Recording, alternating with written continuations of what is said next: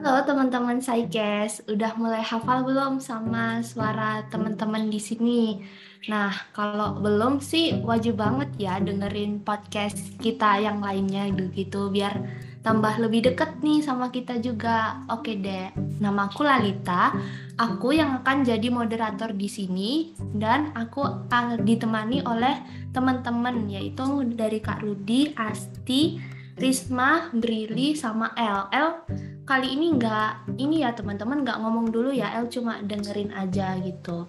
Oke deh hari ini kita bakal bahas topik yang seru banget nih yaitu tentang konsep diri.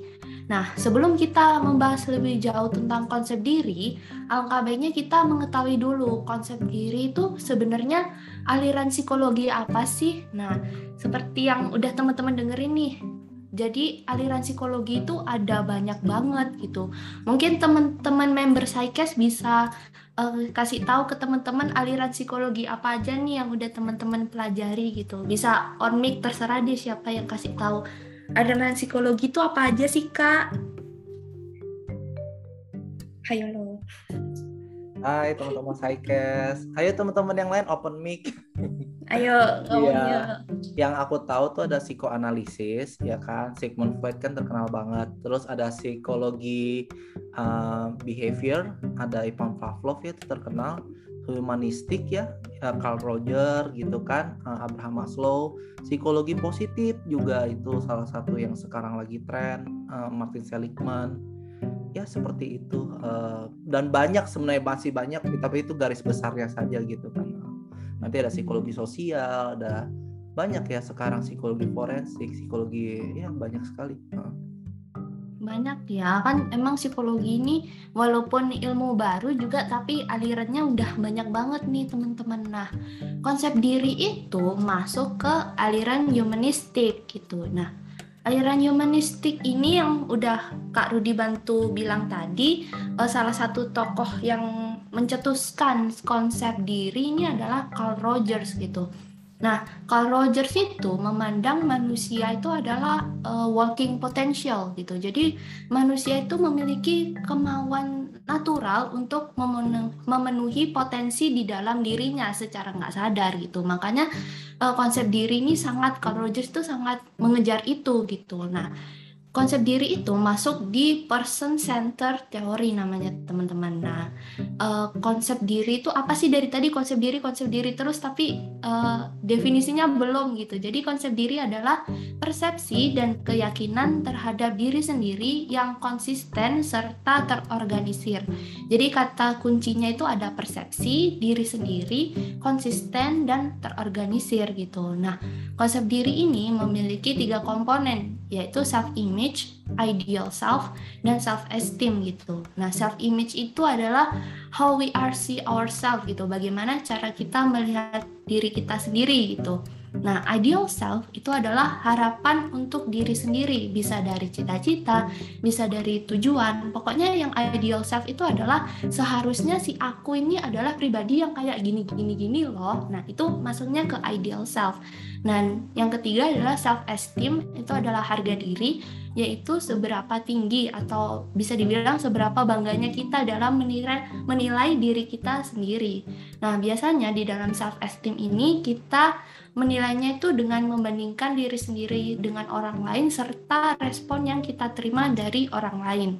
Oke, mungkin segitu aja pembukaannya sambil aku nafas dulu, aku mau kasih pertanyaan nih buat member-member Saikes. Uh, menurut teman-teman nih, apa sih yang komponen mana sih yang paling berpengaruh dari self concept tadi yang tiga tadi self image kah atau ideal self kah atau self esteem? Mungkin siapa aja boleh open mic duluan. Ayo siapa yuk? Mungkin Risma yuk. Halo. Halo, yang lain yuk. Yuk, lihat. yuk, Brili yuk. Itu Kak Laura itu mau duluan tuh katanya. Jangan, jangan. Dia terakhir aja. Yuk, Brili yuk. Yuk, Roro yuk. Ya, ya udah, yuk. dulu deh, aku dulu. Habis Iya, aku ya, nanti baru berilih. Oke, jadi kalau kita ngomongin eh, buat teman-teman, tadi kan udah dijelasin sama Lalita, ada ideal self, ada eh, ada apa sih self esteem, sama ada eh, Self-image. komponen self image, ya kan? Heeh. komponen mana yang penting? Eh, tidak ada yang lebih atau yang kurang, semuanya itu saling mempengaruhi, ya kan? Kita bisa bilang gini, ideal self itu dari lingkungan, ya kan? Dari lingkungan kita belajar, oh iya ya, ternyata eh, ada loh yang eh, dalam average itu aku ternyata pintar ya, kata orang-orang aku pintar, ya kan? Oh aku ngelihat, oh iya ternyata ada yang lebih pintar dari aku, aku mau jadi seperti dia, gitu kan? Nah itu adalah ideal self, gitu kan? Terus tiba-tiba masuk ke ranah ke self image ya kan masuk ke ranah self image mikir oh iya ya aku se- sekarang masih jauh banget dari yang aku pengen ya kan? Ah aku ternyata masih kurang ya kan? Nah aku perlu belajar lagi. Jadi kita labeling diri sendiri masih kurang gitu kan? Masuk ke yang ketiga gitu kan? Self esteem self esteem itu afektif jadi lebih ke perasaannya. Ah aku ngerasa kayaknya aku masih ini deh eh, masih agak kurang deh di sini sini aku masih bodoh gitu kan? Nah, jadi me- merasakan perasaan kayak merasa kurang gitu loh. Kalau tadi kan lebih ke secara kognitif ya, maksudnya self image itu kognitif. Tapi kalau ideal self itu eh self esteem itu secara afektif gitu. Jadi nggak ada yang lebih, nggak ada yang kurang itu satu proses yang berjalan gitu seperti air.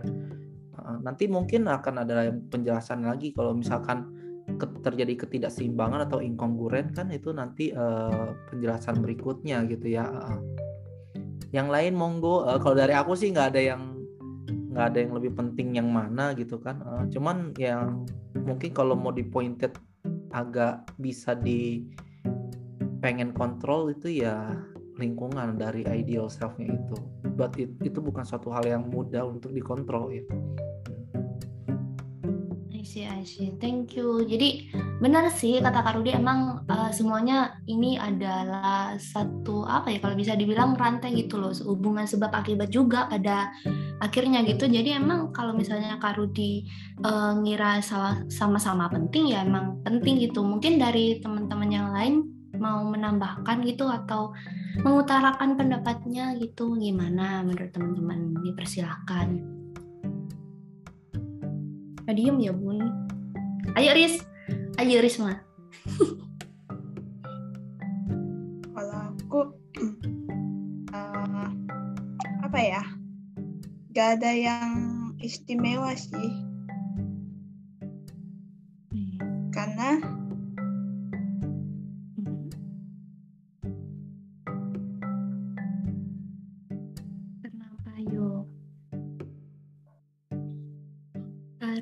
Karena semuanya sama-sama penting gitu ya Risma ya.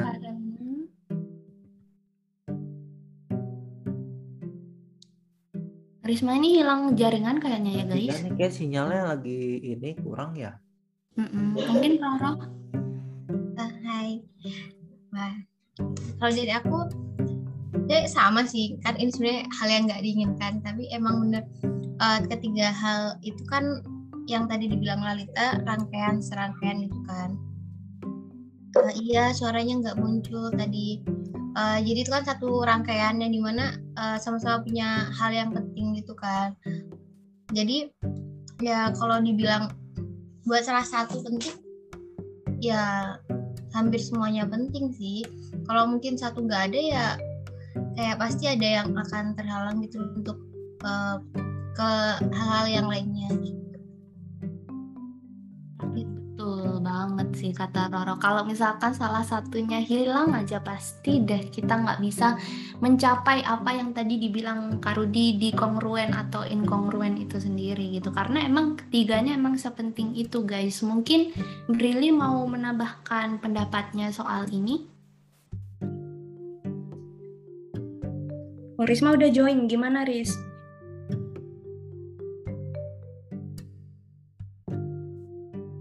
Ya hadir. Hadir? Ayo gimana ya? Yang mana yang penting Riz? Gak ada yang penting. Sama-sama, sama-sama apa ya? Sama-sama kalau misalnya hmm, memfokuskan diri kon dalam konsep diri itu apa ya identik sama identitas kita kan jadi eh lakukan sesuatu itu sesuai dengan apa yang dengan diri kamu gitu jangan ngikuti eh apa orang lain gitu demi demi demi kamu diakui sama mereka di lingkungan kamu gitu sih Asik. dari. Asik. Itu ya guys katanya Risma guys apa berusaha lah sesuai kemampuan kamu gitu tanpa memperdulikan apa yang orang lain pikir. ya, ya jangan jangan jangan malu untuk terlihat beda beda itu keren loh Asik. Oke deh, setuju banget nih sama Risma. Mungkin Brili boleh? Ya, ini pertanyaannya apa yang berpengaruh dari komponen sel konsep? Iya, betul banget. Eh, aku nggak tahu, cuman jujur aja. Mm-mm. Setelah aku, em, istilahnya setelah aku belajar dari dosenku, eh, setelah istilahnya setelah dapat pengetahuan lah ya sharing-sharing. Aku pikir semuanya tuh harus imbang. Kok misalkan kita lebih mengunggulkan salah satu atau kita lebih dominan ke salah satu ke konsep yang itu tadi kemungkinan itu nggak bakal menemukan gambaran atau penilaian diri kita ya namanya juga konsep self konsep diri itu ya bentuknya pasti apa adanya yang seperti kita ini. Justru kalau ada yang bilang satu ya nggak ada penilaian sih kalau menurut aku.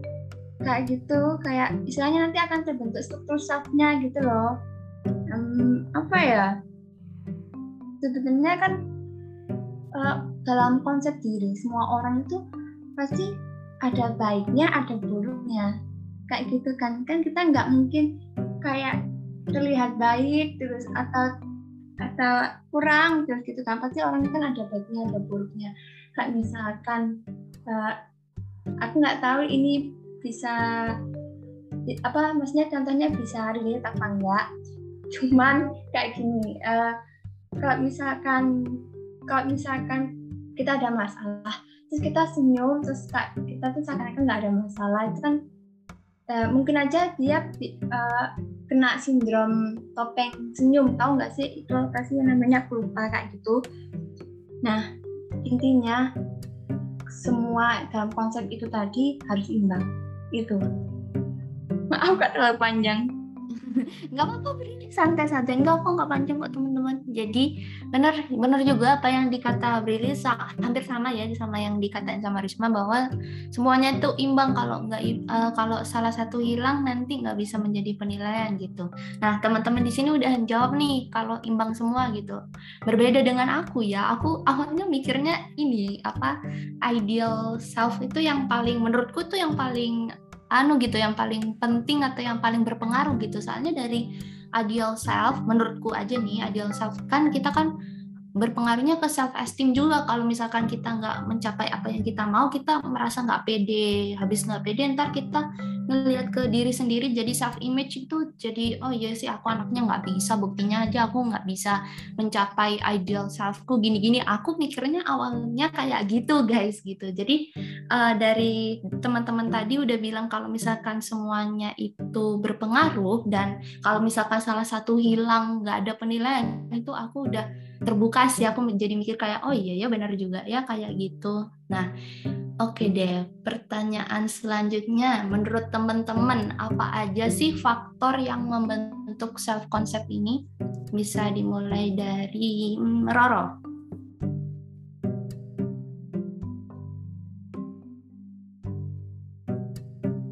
Hal apa? Gimana? Oke, eh, pertanyaannya, eh, menurut teman-teman apa aja sih faktor yang membentuk self concept ini?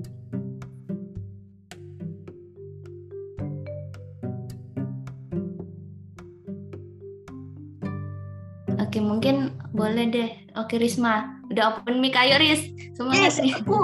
Yes, aku, aku, aku, aku. Aku kalau dari aku ya, eh, faktor penyebabnya itu dari aku, pasti intinya itu dari lingkungan. Dan itu ya uh, dari lingkungan. Pertama, lingkungan itu pasti orang-orang yang terdekat. Dari aku sih, faktornya itu atau enggak juga bisa uh, dari pengalaman-pengalaman yang kita lakukan. Baik itu di mana pun itu berada. Itu dari aku, Kakak Lalita. Oke deh, terima kasih Risma. Jadi Risma lebih ke pengaruh secara eksternal ya, berarti Risma dari orang sekitar lingkungan gitu. Mungkin dari Roro gimana nih?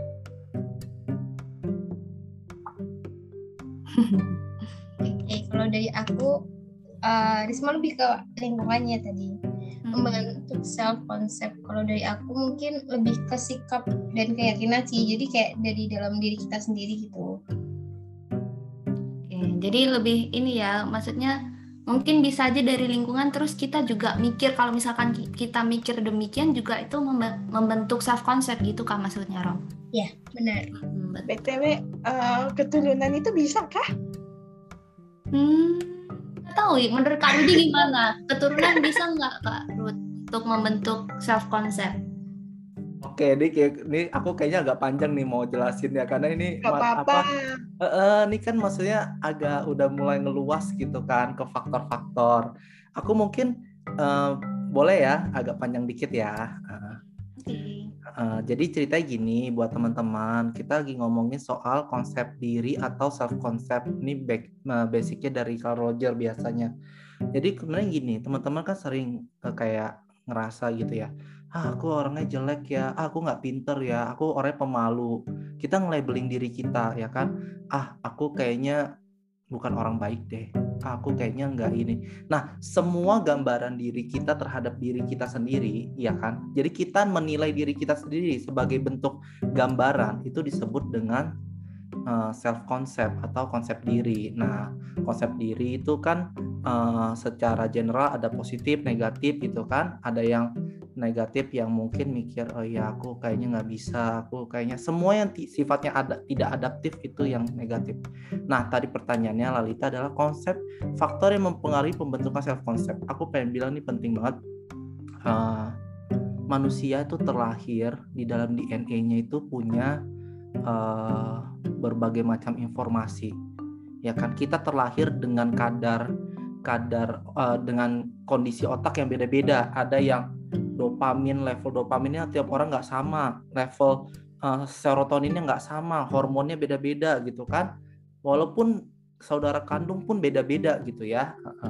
Nah meng, uh, sehingga mengakibatkan kita dari kecil aja lahir tuh udah ada karakter di situ masuk ada orang dari kecil tuh memang karakternya itu sudah periang, ceria, ya kan, suka bersosialisasi. Ada orang dari kecil kita lihat anak-anak kecil ya, dari kecil tuh dia udah pendiam, dia mungkin udah tidak berani mengungkapkan pendapat. Ada yang lebih uh, lebih apa sih menutup diri gitu ya. Jadi uh, seperti itu dari DNA udah beda pertama, ya kan? Nah kita nggak ngomongin positif negatif uh, konsep diri, tapi dari DNA udah beda jadi pertanyaan Risma, apakah bisa dari DNA, DNA itu ngaruh ke konsep diri? Bisa gitu ya. Aku aku bisa bilang tuh bisa gitu ya. Terus tiba-tiba uh, pengaruh berikutnya itu aku pengen bilang aku sama kayak Roro dari lingkungan itu ngaruh banget.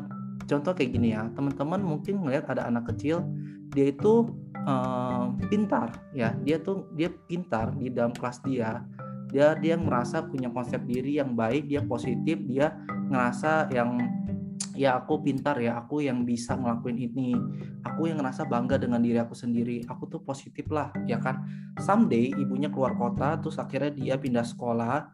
Dia tiba-tiba pindah ke sekolah yang elit gitu ya. Tiba-tiba dia merasakan sesuatu yang berbeda. Gurunya bertanya sesuatu yang lebih susah dia merupakan average student atau mungkin lebih rendah gitu kan atau murid rata-rata dan bahkan lebih rendah. Seringkali dia tuh kehilangan apa ya power ya kan? Jadi dia sehingga dia berpikir bahwa ah, aku kayaknya nggak aku kayak nggak bisa deh. Itu teman-teman aku semua tuh pada pinter-pinter gurunya juga nanya lebih susah-susah gitu kan. Kayaknya aku kategorinya bodoh deh. Jadi secara self esteem sudah merasa secara kognitif realitanya kan kita tuh menilai seseorang berdasarkan lingkung lingkungan itu menilai ya. Teman-teman menilai guru menilai orang tua menilai. Ya kan? Semua tuh memberikan judge dengan realita nilai dia yang kurang gitu ya. Sehingga dia memiliki terbentuk self yang begitu. Apalagi ditambah kalau parenting ya aku sering banget lihat orang tua yang bilang kamu tuh bodoh banget sih kayak gini aja nggak bisa gitu kan. Kamu tuh nggak kayak uh, kakak kamu ya gitu ya kamu contoh dong itu uh, anak tetangga ya kan atau kamu contoh dong saudara ini dia bisa kok gitu kan kok kamu nggak bisa? Gitu ya. Nah itu yang sering membuat anak-anak itu terdistorsi self esteemnya uh, self image-nya gitu kan. Antara apa yang anak kecil istilahnya kan mengabsorb semua ya mengabsorb semua idea gitu kan. Mengabsorb semua menyerap semua uh, dari lingkungan membuat menjadi dia oh aku orang kayak gini ya. Jadi dia itu dia kalau orang dewasa kan udah bisa memilih ya udah bisa memilih. Tapi pas dia masih kecil dia itu terbentuk begitu. Misalkan oh aku orangnya nggak uh, uh, boleh ya ngomong nggak boleh mengekspresikan pendapat ya. Aku nggak boleh kontra sama orang lain. Aku tuh nggak boleh ngomong uh, kasar aku tuh nggak boleh kayak gini aku tuh harus aku tuh harus jadi anak baik, penurut, pendiam gitu kan. Aku uh, kayak gini harus jadi begini-begini. Itu semua tuh dikonstruk sama lingkungan, sama orang tua, parenting semuanya, gitu ya. Jadi uh, terus tadi tuh seperti anak-anak ya. Begitu dia remaja, faktor yang mempengaruhi tadi kan dari dia bayi kan DNA, ya kan. Terus dia anak kecil itu tadi mengersop dari lingkungan gitu ya. Begitu dia remaja, ersopnya itu dari peer group. Peer group sangat mempengaruhi anak-anak remaja. Anak-anak remaja tuh sering banget nanya ke eh gue tuh orang kayak gimana sih? Ah gue tuh kayak uh, menurut lu tuh gue nih salah nggak sih? Gue tuh kayak gini nggak sih? Nah itu tuh yang sering banget ya kalau umur 15 sampai 21 itu uh, untuk teman-teman yang kuliah tuh sering uh, eh, SMP SMA gitu ya nanya hal-hal itu gitu ya. Uh, which is dia sebenarnya mempertanyakan apa pendapat orang lain pendapat orang lain itu penting dan pendapat diri sendiri juga penting begitu dia udah dewasa faktor yang paling penting itu adalah faktor bagaimana dia bisa mengelola wisdomnya dia, dia bisa mengelola diri dia, uh, dia bisa menganalisis. Jadi itu faktor yang mempengaruhi. Jadi selain tempat juga selain lingkungan ya lingkungan itu pasti. Tapi dia juga ada faktor spiritual, ada faktor dia udah mulai bisa settle uh, idea dia, dia udah tahu diri dia kayak gini, dia tahu nih kurang, nih salah gitu ya. Itu udah terbentuk solid Nah masalahnya uh, banyak banget orang-orang tuh yang udah terlanjur terjadi ketidakhubungan, ah, maksudnya terdistorsi gitu ya antara self image, self idea, eh self uh, self uh, ideal sama si uh, self esteem ini ini udah mulai kebentuk dan udah mulai kelihatan ada jaraknya gitu. Aku tuh mau jadi orang yang kayak gini, tapi aku nggak bisa aku orangnya pemalu gitu kan nah dia udah melabelin diri dia sendiri pemalu dan dia udah kebentuk kayak gini sehingga konsep dirinya tuh jadi kacau gitu dan ini yang jadi konflik batin gitu ya in komunikasi intrapersonalnya tuh sama sekali nggak nggak nggak bisa berjalan dengan baik gitu ya banyak kontradiktif di dalam diri dia nah untuk dari itu aku bisa bilang yang paling berpengaruh adalah kalau misalnya dia udah dewasa itu adalah komunikasi intrapersonal dia dengan diri dia sendiri. Bagaimana dia bisa menghadapi itu? Bukan lagi kepada orang lain sebenarnya. Orang lain dia udah tahu eh, nggak uh, semua orang tuh harus didengar gitu. Maksudnya nggak semua orang tuh ngomong benar gitu, ngerti kan? Berbeda sama remaja kan, kita masih bingung ya, belum ada settle yang baik gitu kan. Itu sih kalau dari aku. Agak agak panjang ya, Bun, karena ini uh, jelasin uh, lifespan manusia gitu ya uh, dari dia kecil sampai remaja yang mempengaruhi konsep diri gitu kan uh, karena beda-beda kalau menurut aku cuman yang paling penting ya itulah tadi uh, apa uh, lingkungan ya lingkungan. Oh lingkungannya. Hmm, lingkungan tuh penting banget uh, nah itu membentuk diri kita ya uh, uh. Iya sih, soalnya lingkungan apalagi dari kecil kan anak kecil udah nggak belum bisa bedain mana yang baik dan buruk juga, itis itis belum bisa sekritis saat dia dewasa gitulah makanya kenapa lingkungan itu jadi lebih penting gitu. Jadi menjawab ya Risma, apakah orang tua bisa mewarisi?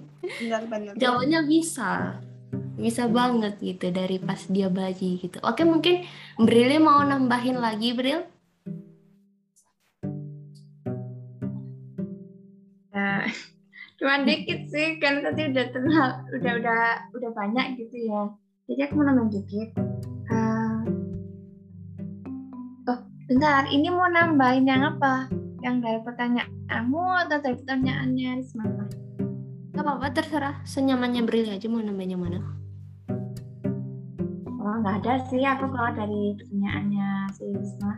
Nah, dijelasin dari satu diri kan udah udah itu ya udah lengkap ya. Soalnya udah sepakat. Iya, udah lengkap banget buat terbaik lah pokoknya. Jadi menurut Brili soal pertanyaanku gimana Bril? Ada tanggapan nggak? Ada, cuma dikit. Jadi gini, um, faktor yang mempengaruhi atau yang sekiranya pengaruh untuk membentuk self concept menurut aku ini bisa faktor eksternal sama internal ya kalau faktor eks eksternal itu seperti lingkungan tetangga terus hal-hal yang sudah kita alami kayak gitu atau istilahnya pengalaman sama pendidikan itu juga bisa terus kalau internal itu seperti kayak diri dari diri kita sendiri entah itu seperti dari fisik kita, persepsi atau cara pikir. Rata-rata uh, sebenarnya yang jadi permasalahannya itu dari misalkan fisik kita, bukan fisik kita ya, tapi first impressionnya orang lain ke kita. Jadi bagaimana cara cara orang lain itu uh, memandang kita kayak gitu. Kan ada orang yang memandang kita tuh entah uh, entah itu baik, entah itu buruk. Kayak misalkan aku kan kecil ya udah gitu tinggi sukaannya kalau apa um, hobi-hobi aku tuh yang yang yang suka nguras uh, nguras tenaga lah kak misalkan uh, main basket, badminton atau yang apa kayak gitu. Nah pasti mungkin kalau misalkan ada orang yang nggak tahu mungkin uh, mereka bahkan bikin aku kayak entah itu penggaris, entah itu kayak keceng, entah itu kayak apa. Nah, kayak gitu kan istilahnya kayak oh orang itu tuh memandang aku seperti ini. Oh orang itu tuh mempersepsikan aku tuh seperti ini. Uh, mereka tuh berpikiran bahwa aku tuh kayak gini. Uh, mereka belum tahu aku sebenarnya kayak gitu. Nah, uh, apa ya manusia itu tingkat bukan tingkat ya itu uh, kesehatan mental atau kepribadian atau cara berpikir manusia atau individu itu kan berbeda-beda ya dan nggak bisa dipastikan kayak gitu. Uh, jadi dari situ kalau misalkan uh, si individunya itu nggak nggak bisa apa ya nggak bisa menyikapi atau menanggapi atau berpikirlah yang ke positif ya mungkin bisa aja kayak anak itu sendiri yang yang apa ya uh, kok dibilang down bukan sih istilahnya kayak mungkin akan memandang dirinya sendiri bahwa dirinya sendiri itu uh, rendah kayak gitu. Jadi tergantung dari persepsi atau cara berpikir seseorang kepada kita itu seperti apa.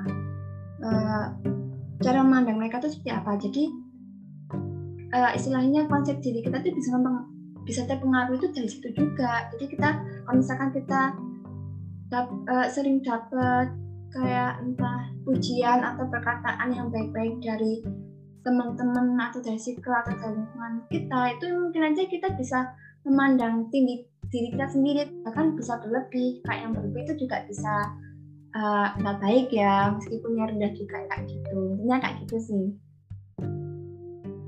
Oke deh, first of all enggak kok Bril kamu enggak keceng kok. Bril kamu udah body goals banget menurut aku jadi benar gitu. Apa intinya tetap kepada persepsi dan lingkungan juga sih. Mungkin uh, yang bisa aku tambahin dari teman-teman tadi menurutku yang berpengaruh juga itu kalau misalkan uh, hal-hal itu dilakukan secara berulang-ulang nggak sih? Kayak misalkan repetisi gitu kayak misalkan orang satu spesifik orang bilang ke kita kayak ih kamu itu loh orangnya kayak gini dari kita umur 5 sampai kita umur 10 gitu. Pasti itu menurutku juga berpengaruh banget gitu. Jadi kayak kita nge oh iya ya orang-orang di sekitar itu lo bilang kalau aku itu kayak gini gini gini gitu. Jadi repetisi menurutku juga berpengaruh sih gitu. Jadi oke okay, itu aja sih pertanyaan selanjutnya seberapa penting sih kita menyadari self konsep yang kita miliki gitu?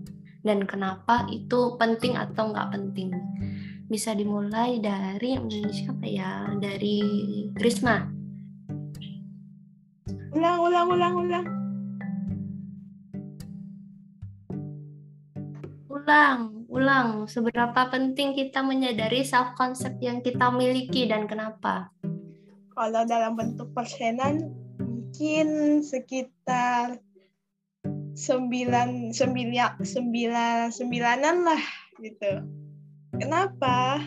Ya karena kalau kamu nggak mentingin diri kamu sendiri, kamu nggak apa ya, kamu nggak jaga diri kamu, kayak adanya kamu itu ini loh malah jadi tambah stres gitu. Adanya kamu mikirnya negatif terus kamu nggak ada mikir ada apa nggak ada kemajuan buat kamu di masa depan kamu gitu. Jadi uh, apa self ini penting karena bisa membimbing kamu untuk ke depannya lebih baik. Kamu bisa mengajarkan orang lain kamu bisa membentuk diri kamu uh, apa ya terlihat wow gitu. Tapi di mata kamu bukan di mata orang lain gitu intinya menghargai diri sendiri itu kayak apa ya kayak puas gitu loh. Cobalah kalian uh, memuaskan diri kalian terlebih dahulu sebelum memuaskan uh, keinginan orang lain. Serius kayak kayak enak loh gitu. Itu sih dari aku kak Lalita asik banget nih Kak Risma ya gitu. Coba kita uh, lebih membahagiakan diri sendiri dulu, memaksimalkan potensi kita sendiri dulu. Mungkin mm, Roro, yuk yang benerin jilbabnya gimana Ro pendapatnya? Yeah. Seberapa penting kita menyadari self concept yang kita miliki kenapa? Hmm, seberapa penting? Ini pakai persenan lagi ya. Kalau dari aku bingung ya persenannya. Penting sih sebenarnya. Uh, persenannya hmm, 90 deh, 90. Kenapa? Karena kalau kita nggak tahu gimana tentang konsep diri kita sendiri kan bakalan susah untuk kita sendiri kan. Nah, tapi 10 persennya ini mungkin bisa juga uh, dari luar. Jadi mestinya uh, orang lain tuh memberi masukan ke kita. Nah, tentang kayak diri kita tapi kita juga kayak harus memfilter gitu loh apa masukan dari orang lain gitu untuk uh, diri kita sendiri. Nah dan aku setuju banget kata Kak Risma tadi yang uh, harus kasih self reward buat diri sendiri atau membahagiakan diri sendiri itu emang merupakan salah satu hal yang penting buat dilakuin. Wih, cakep banget nih Kak Roro. Jadi kita, uh, menurut Kak Roro harus ngefilter gitu karena kita udah paling tahu diri kita sendiri kayak gimana dan gimana cara kita untuk memfilter uh, omongan orang lain. Mungkin dari Kak Brili mau nambahin nih gimana Kak Brili? Ya, kok dari aku sendiri uh, baik lagi ke persepsi ya. Uh, di sini aku nggak bisa kasih berapa persennya. Aku nggak mau kasih berapa tak. Uh, aku nggak mau uh, kasih penilaian berapa persen konsep uh, seberapa penting atau berapa persen konsep diri itu penting buat diri kita sendiri. Kalau dibilang penting ya sangat penting. Soalnya gini, dengan adanya konsep diri itu kita bisa tahu siapa kita dan bagaimana kita, seperti apa kita, seperti itu. Jadi kayak kasarannya itu bayangin uh, kalian itu di depan kaca dan orang itu tuh memandang kalian. Nah, jadi kita tuh harus punya bayangan bagaimana orang itu memandang diri kita, bagaimana orang itu menilai diri kita seperti itu. Uh, apa ya intinya? Uh, dengan begitu tuh kayak kita bisa apa ya? Kayak um, kayak memanage emosi itu juga sebenarnya juga masuk sih meskipun nggak terlalu itu soalnya apa ya karena pikiran manusia itu beda-beda jadi kan kayak eh, nggak semua orang itu bisa bisa dikasih kritikan atau saran kayak gitu kan. Nah ketika orang yang diberi kritikan ketika orang yang nggak bisa dikasih kritikan itu bisa saja menimbulkan berbagai emosi dan kita nggak tahu emosinya apakah dia kagum, apakah dia terkejut, apakah dia marah, apakah dia uh, jadi sedih karena adanya kritikan kayak gitu. Jadi uh, bentuk-bentuk penilaian diri diri sendiri itu penting.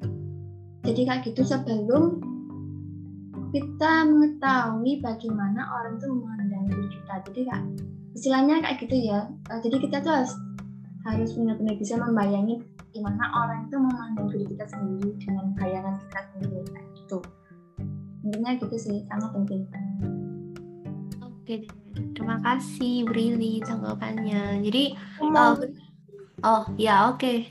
Baik Karisma. Sorry sorry sorry Kak Lalita, aku mau nambah kenapa aku tadi hitungannya persen. Karena sisanya itu aku mikir eh, kalau nggak ada negatifnya itu kurang asik gitu. Itu itu aja sih dari aku makasih. Aduh gitu nggak ya ada negatifnya kayak gimana Risma negatifnya jangan mikir ke sana negatifnya mikir yang ya, ya pokoknya negatif lah gitu setidaknya ada plus sama minusnya gitu Oh, pengen ada yang plus minus nih. Oke, aku kasih ya di pertanyaan nanti. Sebelumnya kita mau dengerin dengerin dulu nih pendapat Kak Rudi gimana? Yuk, Kak Rudi ngomong dulu. Hmm, Pertanyaannya seberapa penting ya uh, Hmm. self concept gitu ya, menyadari self concept. Menurut aku nih uh, sebelum kita tahu self concept, maksudnya menyadari self concept kita harus tahu dulu self concept itu kan ada yang positif yang negatif ya kan. Maksudnya secara general ya, walaupun aku punya tendensi oh ini subjektif nih kalau positif negatif, tapi secara general ada. Kalau misalnya orang dengan self uh, konsep yang nega, uh, positif dulu deh, positif, maka dia udah bisa menerima diri dia. Dia menerima semua pengalaman masa lalu dia. Dia menga, u- me- dia tahu siapa diri dia. Dia tahu bagaimana dia di parenting, bagaimana dia menganalisis diri dia. Dia tahu bukan cuman hanya dia tahu saja loh, tapi juga dia tahu kalau dia punya memiliki potensi berkembang. Gitu ya. Jadi dia tahu, oh ini aku sedang proses belajar ya kan untuk mencapai ini aku butuh banyak uh, trial error jadi tidak tidak ada kata gagal sebenarnya yang ada adalah proses belajar ya kan Uh, aku melihat diri aku sendiri aku sudah puas. Maksudnya bukan artinya kata arogan ya atau mungkin sombong. Tap- tapi dia sudah melihat ada kepuasan di dalam diri dia. Nah ini yang disebut uh, konsep diri yang positif ya. Kalau konsep diri yang negatif itu kebalikannya ya. Jadi dia ada di dua titik ekstrim gitu ya dia merasa sangat tidak berharga itu satu. Bahwa aku nih bodoh aku jelek ya kan? Aku jahat gitu ya. Atau dia di titik yang se- sebaliknya sangat ekstrim yang kanan gitu kan? Bahwa ah aku yang paling pintar ya kan? Aku harus kritik orang lain orang lain nggak boleh kritik aku ya kan? Ah, pokoknya aku yang paling bener lah gitu kan? Kalau ada orang lain kritik aku nih misalkan oh kamu tuh orangnya kayak gini. Dia langsung begini kan langsung aku mau klarifikasi ya Eh, kamu tuh ya mikir kayak gini ke aku tapi sebenarnya aku nggak kayak gini gitu kan. Jadi kalau misalnya konsep dirinya eh, kurang baik masih belum berkembang biasa dia akan ada banyak klarifikasi yang dia berikan ke orang lain sebenarnya. Which is sebenarnya eh, semua penilaian orang lain itu sebenarnya adalah hal yang eh, kita bisa bilang penilaian yang dia tahu gitu kan. Which is itu penting buat bahan evaluasi kita gitu kan namun juga bukan berarti hal itu perlu kita klarifikasi gitu kan? Eh, sehingga aku lihat oh iya ya nih dia eh, agak di sisi sebelah kanan gitu kan? Agak eh, over over over confident kita kita bilang over eh, bukan narsistik tapi over dia punya tendensi self concept yang terlalu berlebihan gitu ya tentang diri dia sendiri menilai diri dia sendiri tidak pada on the point gitu kan? Uh-uh. itu jadi itu dulu uh, aku bisa bilang menyadari self concept ini penting. Kenapa? Karena aku ngeliat masalahnya tuh orang tuh banyak banget yang suka cepat melebeli diri sendiri gitu ya. Misalnya orang lain bilang dia jelek dia ini ini dia langsung menyerap gitu dia langsung menyerap dia langsung bilang oh ya gue orangnya kayak gini ya uh, orang lain uh, dia mikir oh nilai aku jelek nih aku kayaknya nggak bisa deh. Uh, aku udah coba tapi aku nggak bisa. Dia langsung cepat oh iya aku aku udah deh aku kayaknya gagal. Aku aku nggak mau hidup kayak gini gitu. Ngerti kan maksudnya? Kenapa itu penting sih? Karena itulah bahan dasar dari kita merasa hidup kita berharga gitu ya. Kalau kita nggak ngerasa hidup kita berharga ya artinya kita nggak puas ngejalanin hidup ini gitu. Kita jadi manusia yang setengah-setengah maksudnya kita jadi manusia yang ya udah maksudnya gue tahu gue jelek dan maksudnya gue jelek ya udah gue jalani hidup gue yang jelek gitu kan. Gue tahu gue banyak kekurangan banyak kontradiksi ya kan? Uh, eh, gue tapi mau jalanin yang jeleknya ini gitu ngerti kan? Jadi bukan ada tendensi gue orang baik loh. Oke gue mau jujur gitu. Jadi orang kayak gini kan tipenya ya udah gue udah jelek nggak apa-apa bohong nggak apa-apa gue salah ya udah dia udah mentoleransi semua hal kejelekan. Pada akhirnya orang yang kayak gini tuh nggak akan punya well-being yang baik gitu. Kalau dalam psikologi positif kan hidup yang memuaskan gitu. Jadi dia nggak melihat bahwa hidup ini memuaskan. Kalau dia lahir lagi dia mungkin nggak mau jalani hidup yang kayak sekarang gitu. Nah ini yang yang sebenarnya dia menjudge diri sendiri dan melabeling diri dia sendiri pada kondisi yang sekarang itu sudah tidak pada poin yang baik gitu loh. Jadi aku bisa bilang uh, penting banget untuk menyadari self concept dan secepat mungkin merekonstruksi uh, kalau kamu sadar gitu ya ada yang kurang baik di dalam diri kamu, kamu merekonstruksi pikiran kognitif dan afektif kamu gitu kan. Uh, mungkin nanti lah uh, bahas ya. Aduh, sorry ini jadi panjang gitu ya. Ya begitulah. Jadi penerimaan dalam konsep itu juga penting ya kak ya. Kenapa? Jadi penerimaan dalam konsep diri itu penting juga ya. Benar, itu supaya penting banget. Lalu melihat diri dirinya sendiri tinggi atau Iya. Kayak penting banget misalnya gini loh, orang bilang kan ya, eh kamu tuh terlalu kurus deh. Kamu tuh terlalu gemuk deh. Kamu tuh jelek gitu kan oke okay, maksudnya kamu kamu lihat diri sendiri oke okay, aku emang kurus aku emang gemuk gitu kan jangan di denial. Kan banyak ya orang bilang kayak ah enggak kok kamu enggak kurus. Oh enggak kok kamu enggak gendut gitu kan. Kan banyak ya orang yang uh, lip service begitu kan. Pada realitanya kita lihat sendiri oke okay, kita emang begini gitu. Ngerti kan? Orang lain tuh sering banget mendistorsi realita gitu kan. Kalau misalnya dia kurus ya bilanglah dia kurus. Tapi kan lu nggak lu nggak harus menyatakan itu dengan cara yang frontal kan. Uh, tapi aku pengen bilang untuk diri sendiri menyadari bahwa diri kita sendiri uh, uh, bukan kekurangan ya. Oke kita misalnya kurus kita gemuk oh ya udah nggak apa-apa. Emang aku gemuk gitu kan? Tapi kenapa aku harus mikir bahwa gemuk ini salah? Oh tidak bagus buat kesehatan. Jadi di dalam kognitifnya itu dikonstruksi gitu ya. Oh ya aku nggak bagus karena ini nggak sehat gitu kan? Tapi apakah ini mempengaruhi orang tuh harus nilai aku cakep harus baik gitu kan? Kan nggak juga. Jadi wisdomnya itu kebijaksanaannya dipakai gitu kan. Semuanya tuh dipakai untuk melihat uh, kognitif kita tuh bener nggak? Perpikiran kita tuh bener nggak? Gitu kan dengan kita menilai oh aku nih uh, kurus gitu kan. Ah kurus ya aku jelek ya aku tidak berharga. Nah dari kognitif kita bisa ngelihat jalurnya ke afektif atau ke self esteem akhirnya ngaruh ke di, di self esteem kita mikir ah kita jelek ya aku nggak pantas dapat pacar. Oh aku kayaknya eh, nggak jelek nih aku perlu banyak makan nih aku tapi aku nggak bisa aku udah coba makan gini kan. Nah terkadang dengan kita menerima kondisi kita kita akan belajar untuk mencintai diri kita. Mencintai diri kita bukan dengan cara yang palsu.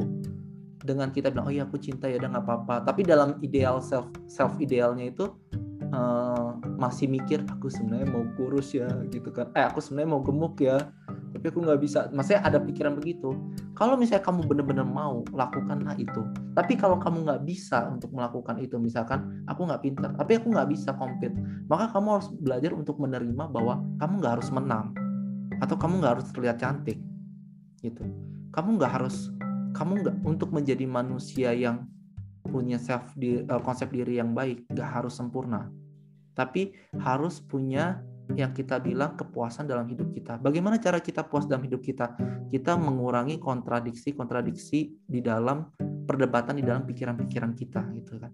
satu-satu dikonstruksi kita pikirin makanya tadi Lalita bilang oh analisis dalam diri itu kan menyadari self concept ini penting banget karena kalau kita nggak sadar apa yang sudah terjadi dalam pikiran kita kita akan cenderung jadinya apa ya um, cepat menjudge berdasarkan apa omongan orang dan apa omongan diri sendiri. Dan akhirnya kita tuh jadi nggak punya self concept yang baik dan itu ngaruh ke kepuasan hidup. Kita nggak puas ngejalanin hidup ini. Bahwa kita tuh jelek gitu. Hmm. ya itu sih itu itu uh, mungkin kalau konstruksi pikiran kayak gimana uh, merekonstruksi pikiran uh, mungkin bisa ke profesional atau nanti bisa lah kita uh, sesi berikutnya nanti ya gitu sih lah aduh jadi panjang banget sorry Enggak apa-apa. Ayo Arisma, ayo apa? Enggak, cuma pesan singkat. Makanya jadilah bersikap bodoh amat. Waduh. Gimana gimana terputus? Bisa diulang nggak? Makanya jadilah bersikap bodoh amat. Nah, oh. jangan dong. Bodoh amat itu kan artinya nggak peduli kan. Maksudnya, mm-hmm. tapi kadang ya, omongan ya. orang lain itu juga penting. Maksudnya, ah, bener, bener. Uh, uh, omong orang lain itu juga penting biar kita tahu. Oh iya, aku orangnya kayak gini. Karena ah. kalau bodoh amat tuh, kan nggak gimana gitu. Makanya menan keluar ya. Ya makanya Kak Toro bilang juga uh, perlu kita memfilter mereka gitu. Uh, uh. Uh, uh. Jadi kognitif afeksinya harus main ya bun buat hmm. menyadari penting self concept ini uh, ya, ya. benar aku tadi sebenarnya mau nanya gimana sih self concept yang baik atau buruk menurut teman-teman tapi kayaknya udah dijawab sama Kak Rudi semua gitu ya guys jadi jadi, apakah teman-teman yang lain ingin menambahkan gimana sih self concept yang baik atau buruk menurut teman-teman? Nah, menurut Kak Rudi oh, tadi kan pada berkembang, intinya berkembang gitu. Kalau menurut Brili gimana? Maaf menyosorai. Gak apa-apa, Bril, gas aja. Yuk, Bril. Um, kalau menurut aku ya, ya secara psikologi, secara garis besar yang diceritain sama Kak Widi tadi. Intinya kalau dari kon, uh, konsep self atau konsep diri yang baik itu satu penerimaan itu penting buat kita kayak itu. Jadi orang itu susah buat menerima apa yang sebenarnya nyata begitu. Maksudnya sebenarnya nyata itu uh, kekurangan dan eh kamu siapa? Eh bentar guys gue yang UN ini nanti nanti dikat ya Iya, siap ya, Kak Nggak apa-apa kok, nggak apa-apa kok. Nggak apa-apa. Mungkin lagi ada tamu kali ya tadi Brili. Mungkin, ayo siapa Roro atau Risma nih yang duluan? Ayo Roro. Aku lanjutin dulu aja ya, bener sih. Konsep yang baik menurut aku tuh kayak penerimaan sih. Penerimaan itu penerimaan terhadap diri kita sendiri itu self konsep yang baik. Kalau yang buruknya apa ya? Ya uh, misalnya kalau dari uh, masalah masukan dari orang lain itu kayak kita terima mentah-mentah gitu loh guys jadi kayak bukannya kita malah memperbaiki diri atau gimana tapi malah memperburuk diri kita sendiri dengan omongan orang lain gitu. Itu self konsep yang buruk menurut aku deh. Jadi ini ya hampir hampir sama ya guys. Soalnya emang lengkap banget ya Kak Rudi tadi. Mungkin dari Risma mau nambahin lagi gitu. Selain penerimaan, apalagi nih Risma yang bisa baik self konsep yang baik selam, selain penerimaan itu. Aduh, selain menerima. Mungkin dijadikan pelajaran kali ya. Woi, mantap banget. Gimana tuh pelajarannya gimana tuh Kak? Uh, dijadikan pelajaran untuk memperbaiki apa yang ada di dalam dalam diri kita. Tapi apa ya uh, lebih dominan jangan lebih dominan positifnya daripada melihatkan ke mereka itu secara negatif. Paham nggak?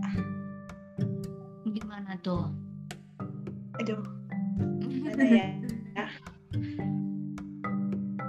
aku bingung nih Mungkin Kak Rudi kata-katanya. yang ngangguk-ngangguk bisa kasih tahu ke kita gimana tuh Kak Rud? Gimana dulu si Risma tadi mau bicara dulu dia sebentar. Heeh, Oh iya Kak? heeh. Iya Riz. Kalau aku itu apa ya? Maksudnya kita menjadikan sebuah pelajaran itu ya dari penerimaan itu eh, kita merubah diri kita menjadi itu sesuai apa ya? Sesuai apa yang mereka inginkan tapi kita nggak buat itu nggak terlalu mencolok gitu nah. Tapi kita kayak mengaturnya menjadi sebuah yang positif tapi kayak ada campuran-campuran agak negatif dikit kali gitu ya kayak mix-mixnya gitu loh Hmm, ngerti ngerti ngerti ngerti. Jadi maksudnya walaupun kita mengikuti apa yang orang lain inginkan, ya kan sebagai bahan pembelajaran, tapi maksudnya kita nggak serta merta tuh men, apa sih mengikuti mentah-mentah gitu. Jadi ada sisi Ah. kita tuh kayak sedikit memodifikasi lah mungkin bahasanya bukan benar-benar bukan uh, negatif juga tapi uh, kita modifikasi semua itu karena kan apa yang orang lain menurut orang lain itu baik belum tentu menurut kita tuh baik gitu ya maksudnya buat diri kita Ah. baik itu ya Risma ya benar-benar benar sih, sih. Oke deh, jadi paham nih aku sekarang. Ya sih, bener sih. Orang lain kadang bilang ini baik-baik, padahal menurut kita yang paling tahu apa yang baik buat diri kita sendiri gitu. Setuju banget sama Risma. Mungkin Bril udah selesai sama tamunya gimana Bril? Ya, gimana gimana bisa boleh diulang nggak? Aku juga pasang balik. Gimana sih self konsep yang baik atau buruk menurut Brili? Oh masih ini tadi ya. Mm-mm. Eh, jadi menurut aku kalau konsep yang baik itu eh, satu kita menerima, kita menerima dengan kita menerima eh, nggak semua, maksudnya nggak semua yang kita terima itu seperti kayak diterap, eh, bukan diterapin ya kayak bener-bener apa sih?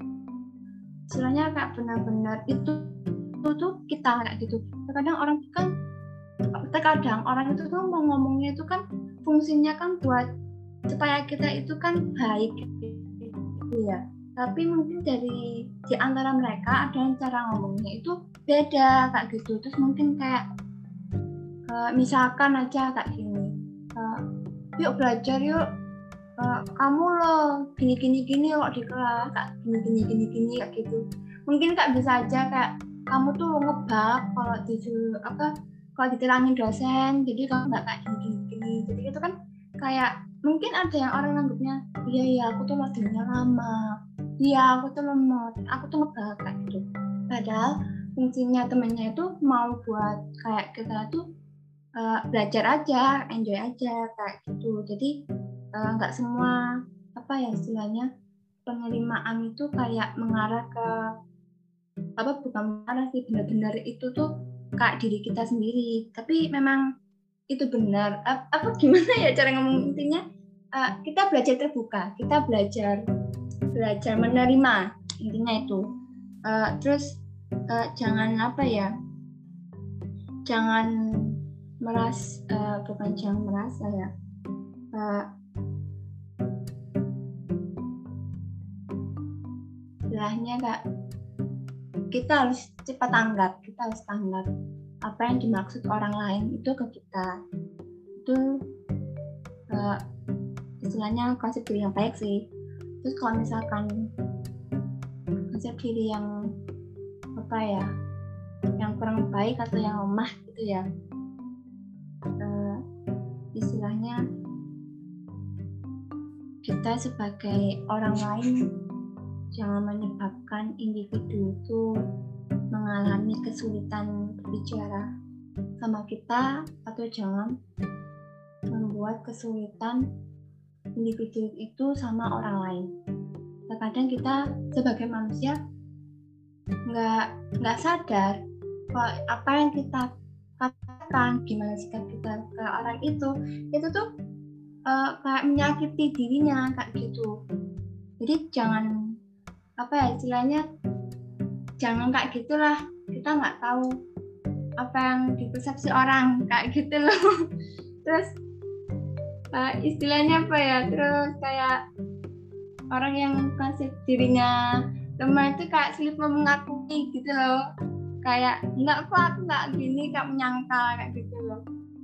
Udah deh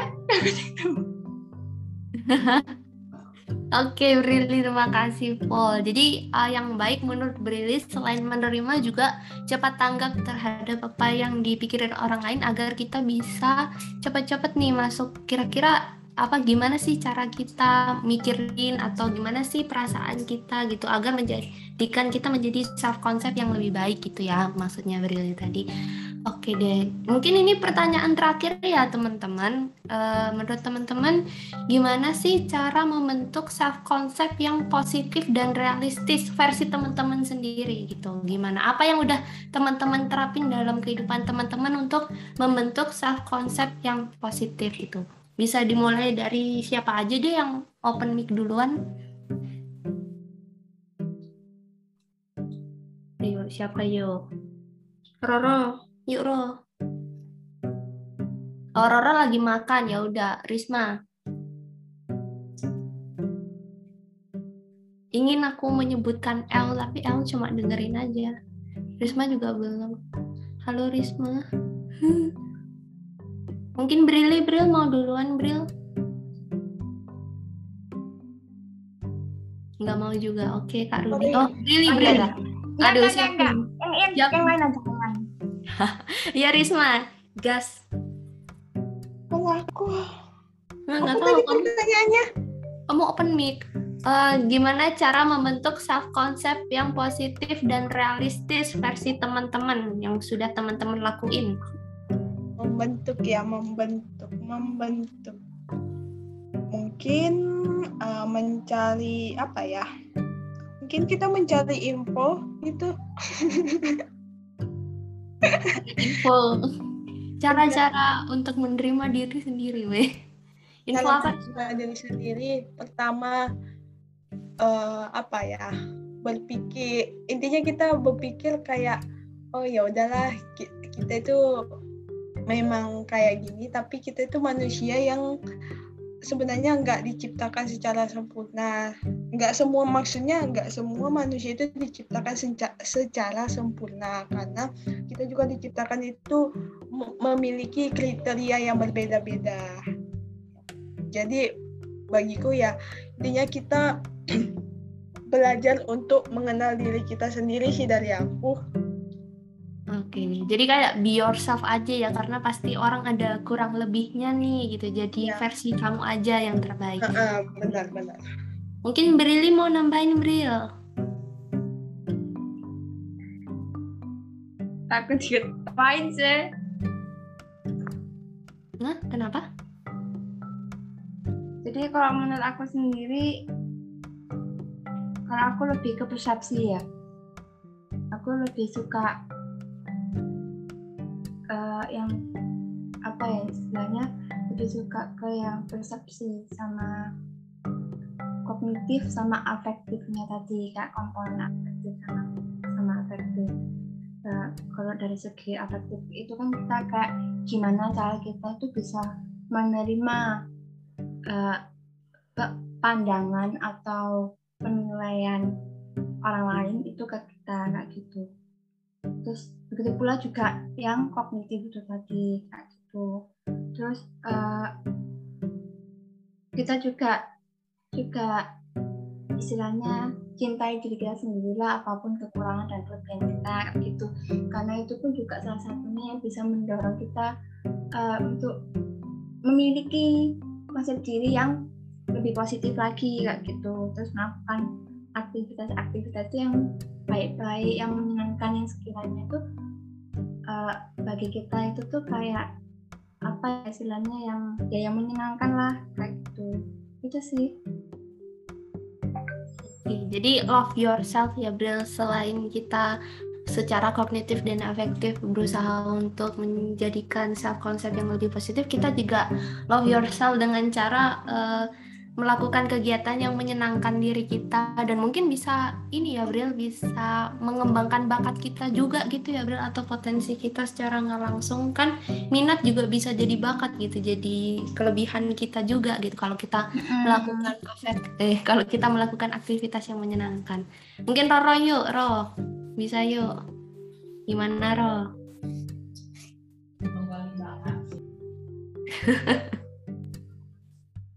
Kak Rudi dulu deh, gimana Kak? Kenapa? Kenapa? Tadi Oh ya lagi ini. Oke, ya udah kalau aku dulu deh. Uh, hmm. Jadi pertanyaannya kan tadi bagaimana cara kita tuh me, apa memiliki self concept yang baik gitu ya? Mm Benar nggak kira-kira? Nah, uh -uh. Jadi iya, aku pengen bilang dulu yang paling penting dari konsep diri yang baik itu adalah tadi kan yang aku bilang dari awal bukan cuman kita tuh menyadari apa yang sudah terjadi dalam diri kita tapi juga ada keinginan untuk berkembang ya kan?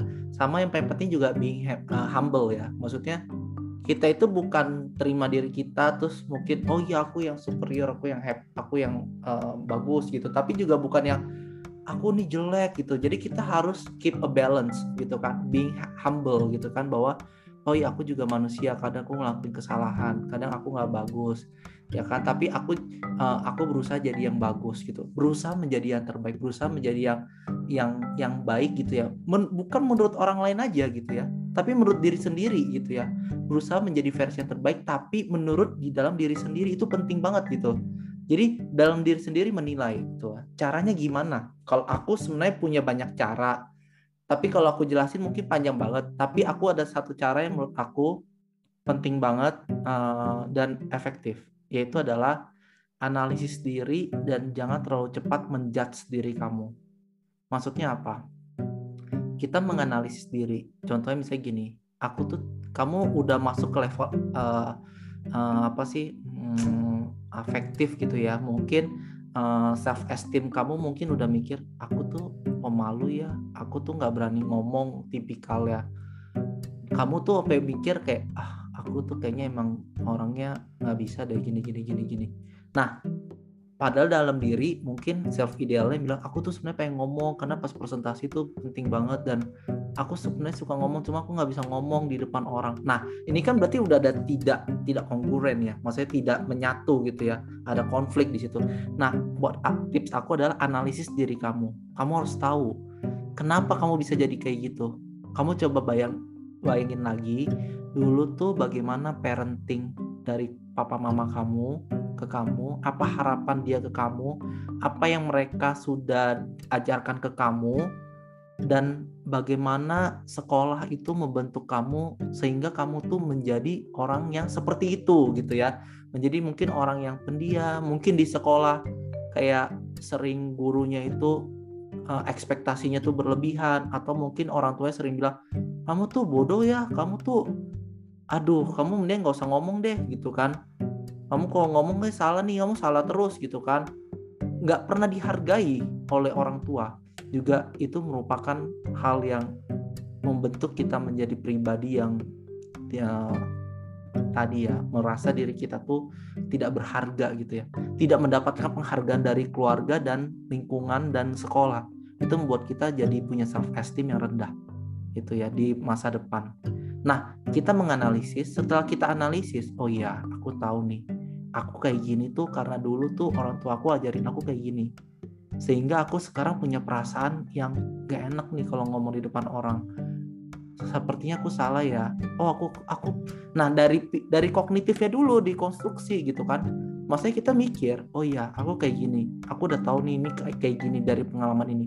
Di pikiran kita oke okay, kita bilang oke okay, aku pengen uh, presentasi. Aku pengen uh, bisa ngomong. Aku kayaknya harus latihan ngomong deh Nah, jadi ada push dari di dalam diri kita yang ingin merubah itu, ada sisi ingin berkembang gitu kan dari sisi level kognitif. Itu kan ada kontradiktif sama self ideal kita. Nah, kita ingin berkembang. Nah, itu gitu kan. Jadi kita pengen berkembang gitu ya, pengen berkembang. Nah, itu yang penting bahwa kita sudah menganalisis dan kita ingin berkembang gitu kan. Sama yang kedua adalah yang tadi eh, jangan terlalu cepat menjudge diri kita gitu kan. Apa yang orang lain katakan dan apa yang diri sendiri katakan belum tentu benar gitu kan. Tetap kita harus uh, berusaha yang terbaik gitu kan. Dan kita harus menerima apa pun yang terjadi pada diri kita gitu kan. Dengan menerima semua itu tuh kita baru bisa menjadi versi yang terbaik dalam diri kita. Contoh dalam gambaran ini ya itu ada film yang bagus banget. Kalian harus nonton tanpa kalian sadari itu sebenarnya ngomongin self concept Monster Inc Monster Inc. itu itu tuh uh, uh, ada ada kan? Kalian pernah nonton Monster Inc. itu terkenal ya? Kartun itu uh, uh, itu kartun uh, itu kan ada civilian sama ada yang mata satu itu kan. Jadi ada yang satu yang besar sama satu yang kecil. Satu yang besar selalu merasa diri dia itu punya self concept yang rendah ya kan? Satu lagi itu punya merasa punya self concept yang overconfident gitu kan aku bisa jadi monster yang kuat jadi hebat satu lagi jadi merasa aku sepertinya monsternya kuat aku tahu kok bagus tapi sebenarnya dalam diri tuh banyak tidak penerimaan dari orang tua dia gitu kan. Jadi itu dua sisi yang menggambarkan self confident yang eh, self concept yang tidak balance gitu ya. Nah itu tadi ya judge judgment uh, jangan uh, kita harus menganalisa diri kita dan kita harus jangan cepat menjudge diri kita. Kadang kita tuh terlalu cepat gitu. Orang lain bilang, "Oh, kamu tuh jelek gini-gini." Kita langsung, "Oh iya aku jelek ya." Kamu tuh bodoh gini-gini gini dari dosen.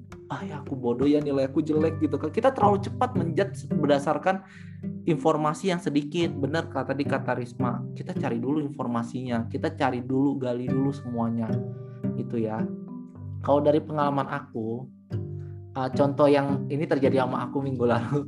Aku tuh uh, minggu lalu uh, sempet mikir kan uh, aduh aku mimpi misalnya ah pacar aku selingkuh gitu kan. Aku mikir ah pacar aku selingkuh ya gitu kan. Kayaknya aku harus cek deh HP-nya ya kan. Siapa tahu dia selingkuh gitu. Kalian pasti pernah ngalamin ini kan? Aku harus cek deh. Aku, aku kan ada tuh pasangan yang kita kayaknya harus wajib nggak boleh ada password. Aku harus tahu password kamu kamu harus tahu password aku. Kita pokoknya HP tuh saling cek. Nah aku coba analisis di dalam diri aku hidup aku. Kenapa sih aku bisa kejadi kayak gitu? Nah, setelah aku cari-cari, ternyata aku menemukan bahwa aku belajar dari mama aku yang punya karakter yang hampir mirip dengan kondisi aku sekarang, gitu ya.